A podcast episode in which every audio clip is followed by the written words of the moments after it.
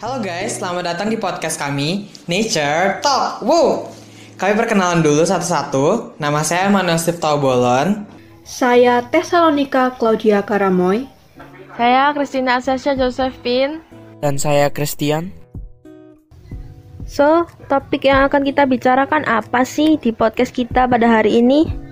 Kita akan membicarakan sesuatu yang jarang kita bicarakan sebelumnya, yaitu tentang narkoba. Iya kan, Steve? Ya, benar sekali. Kita akan membicarakan tentang narkoba, atau lebih tepatnya salah satu jenis narkoba, yaitu ganja. Saat ini penyebaran narkoba di negara Indonesia sudah di tahap yang mengkhawatirkan, di mana banyak rakyat Indonesia mulai dari anak-anak sampai orang dewasa kecanduan narkoba. Hal tersebut tentu saja dapat merusak generasi-generasi di masa depan. Ada berbagai jenis narkoba yang beredar di negara Indonesia, seperti heroin, sabu-sabu, ekstasi, dan masih banyak lagi.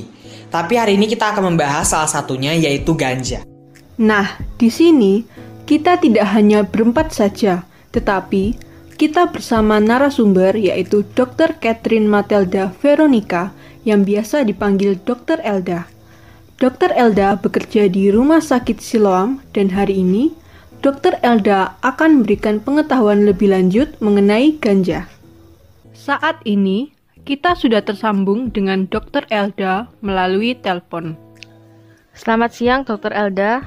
Selamat siang. Hari ini kita mengundang Dr. Elda untuk membahas tentang ganja bersama kami. Nah, kami sudah mempersiapkan beberapa pertanyaan yang cukup common atau umum di masyarakat yang akan kami tanyakan satu persatu kepada dokter. Apakah dokter sudah siap? Siap, Steve. Kalau begitu, pertanyaan pertama dari Christian. Pertanyaan pertama, apa itu ganja dan zat-zat yang terkandung dalam ganja? Uh, ya, ganja itu biasa dikenal uh, namanya marijuana. Uh, merupakan suatu zat yang tergolong narkotika yang bisa membuat pemakainya itu mengalami euforia atau yang uh, biasa dikenal uh, dengan kondisi di mana seseorang itu bisa merasakan uh, aura ataupun kesenangan yang luar biasa gitu di luar batas normal gitu ya. Jadi bawaannya itu senang terus dan uh, saat ini ada juga di dalamnya itu mengandung tetrahidrokannabinol dan juga cannabidiol.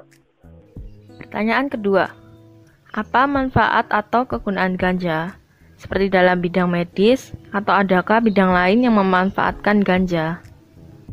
Oke, kalau dari sisi medis, sebenarnya ganja ini punya manfaat. Jadi salah satu manfaatnya itu sebagai anti nyeri atau anti uh, sakit ya. Jadi pada penyakit tertentu yang memang memiliki batas uh, nyeri atau sakit yang luar biasa itu biasanya uh, ada pertimbangan dari medis untuk menggunakan ganja ini sebagai uh, salah satu pilihan untuk pengobatan. Jadi contohnya pada penyakit yang mungkin secara medis dikenal dengan nama penyakit muskuloskeletal sklerosis ataupun bisa juga pada penyakit kanker atau kanker. Jadi pada stadium tertentu di mana rasa sakit yang luar biasa yang dirasakan oleh pasien, maka uh, pada kasus tertentu dokter akan uh, menentukan apakah bisa menggunakan ganja ini sebagai anti nyerinya. Nah, kalau di bidang lain, uh, saya pernah tahu bisa juga dimanfaatkan dalam uh, bidang pertanian, jadi sebagai pestisida gitu ya. Nah, tadi kita sudah mendengar manfaat-manfaat ganja. Pertanyaan ketiga, Bila ganja memiliki manfaat, mengapa labelisasinya bisa buruk di mata masyarakat?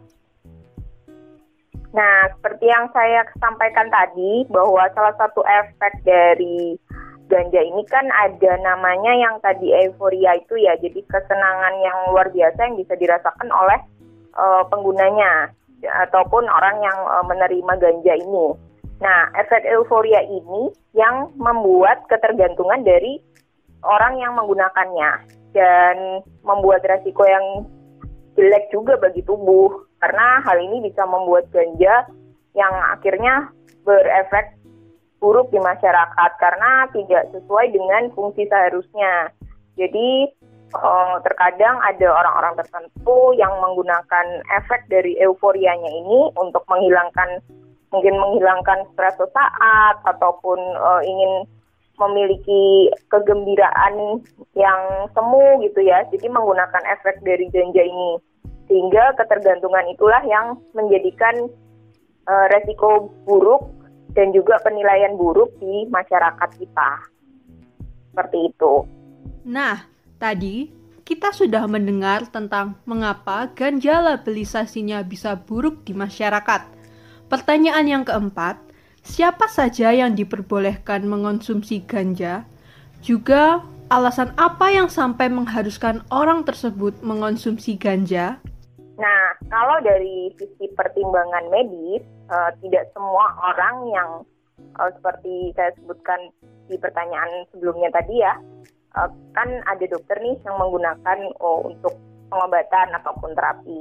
Namun uh, sebenarnya itu mempertimbangkan efek positif maupun negatifnya. Jadi jika memang uh, penggunaan ganja ini memiliki efek positif yang lebih banyak dibandingkan dengan efek negatifnya, maka dokter mungkin akan mempertimbangkan hal itu. Jadi contohnya pada penyakit uh, Alzheimer ataupun penyakit kanker. Nah, ini hmm, dokter mungkin akan memberikan pilihan terapi ini uh, tentunya dengan uh, pengawasan khusus dan ketat. Jadi tidak boleh sembarangan. Selain itu kan ada uh, dosis ataupun kebutuhan-kebutuhan pasien yang tentunya dipertimbangkan juga oleh dokter yang menyarankan menggunakan obat ini karena efek dari anti nyerinya itu uh, yang kalau dengan obat lain mungkin tidak bisa mengatasi rasa nyerinya itu sendiri maka dokter akan mempergunakan uh, untuk pertimbangan mempergunakan ganja ini sih seperti itu. Tadi, orang-orang yang diperbolehkan mengkonsumsi ganja adalah orang-orang yang memiliki penyakit Alzheimer, kanker, dan lain sebagainya. Nah, itu berarti tidak semua orang boleh mengkonsumsi ganja apalagi secara berlebihan. Nah, pertanyaan selanjutnya, dampak apa saja yang akan terjadi pada orang yang mengkonsumsi ganja secara berlebihan? Nah, karena penggunaan ganja ini yang memang harus diawasi secara ketat, eh, karena efek samping dari ganja ini memberikan dampak tertentu. Jadi, contohnya bisa menimbulkan halusinasi. Jadi, istilah halusinasi ini seperti uh, ada kondisi-kondisi di mana orang bisa merasakan sesuatu yang uh, seharusnya tidak ada seperti itu. Jadi seperti misalnya dia melihat uh, sesuatu yang nyatanya sebenarnya tidak ada atau mendengar sesuatu uh, tapi sebenarnya itu tidak ada. Jadi itu bisa dibilang itu merupakan kondisi yang disebut dengan halusinasi.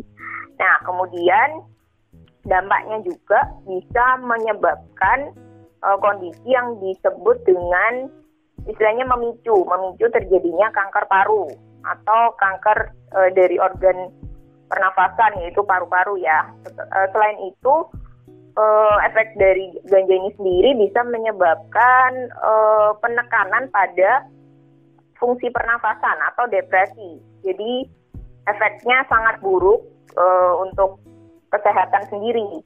Nah, selain itu bisa juga menyebabkan orang yang menggunakan menyalahgunakan penggunaan ganja ini bisa menyebabkan terjadinya kesulitan untuk berpikir karena ada gangguan di uh, pusat sarafnya.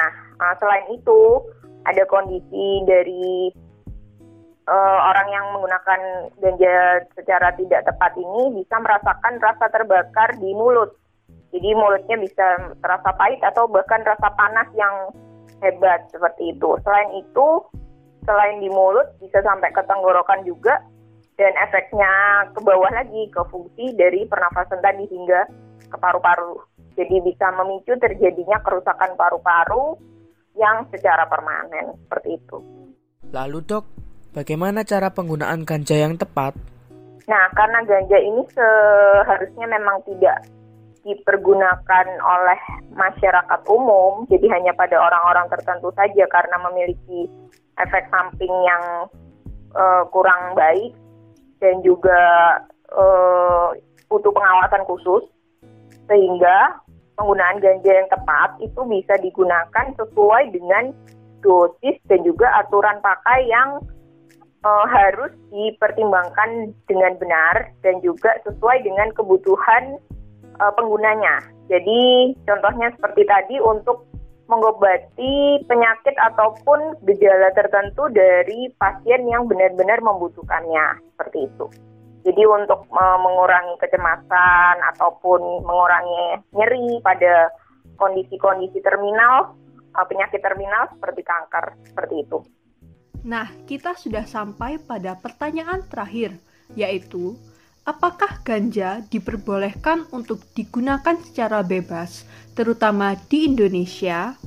Nah, uh, untuk penggunaan ganja sendiri, uh, kita bisa melihat kembali bahwa aturan pemerintah juga tidak memperbolehkan uh, semua orang ataupun orang awam menggunakan ganja, apalagi dipergunakan secara sembarangan karena ternyata ada aturan yang mm, mengatur di Undang-Undang Nomor 35 tahun 2009 ayatnya yang pertama itu tentang narkotika golongan satu yang tidak boleh digunakan untuk uh, kebutuhan medis dengan menurunkan status ganja dari golongan satu menjadi golongan tiga seperti morfin, ganja dapat digunakan untuk kepentingan medis. Jadi uh, penggunaan ganja ini sendiri, walaupun untuk kebutuhan medis, itu tetap ada peraturan perundang-undangannya.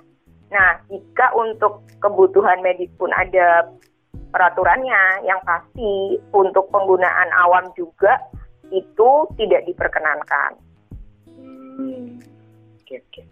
Nah, tadi kita sudah dapat pengetahuan tentang salah satu jenis narkoba yaitu ganja. Dan yang dapat kami simpulkan bahwa ganja adalah jenis narkoba yang tidak, tidak boleh dipergunakan atau dikonsumsi e, secara bebas atau apalagi secara berlebihan. Harus ada aturannya dan dosisnya yang e, harus dipertimbangkan. Jadi saran dari kami adalah jauhi narkoba, apa pun jenisnya, dan tetaplah hidup sehat. Terima kasih Dokter Elda atas penjelasannya yang sangat bermanfaat bagi kami dan juga bagi para pendengar. Oke, terima kasih.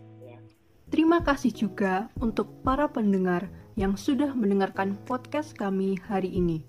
Semoga dapat bermanfaat bagi kita semua. Kalau begitu, sampai jumpa lagi di Nature Talk Woo. Bye bye.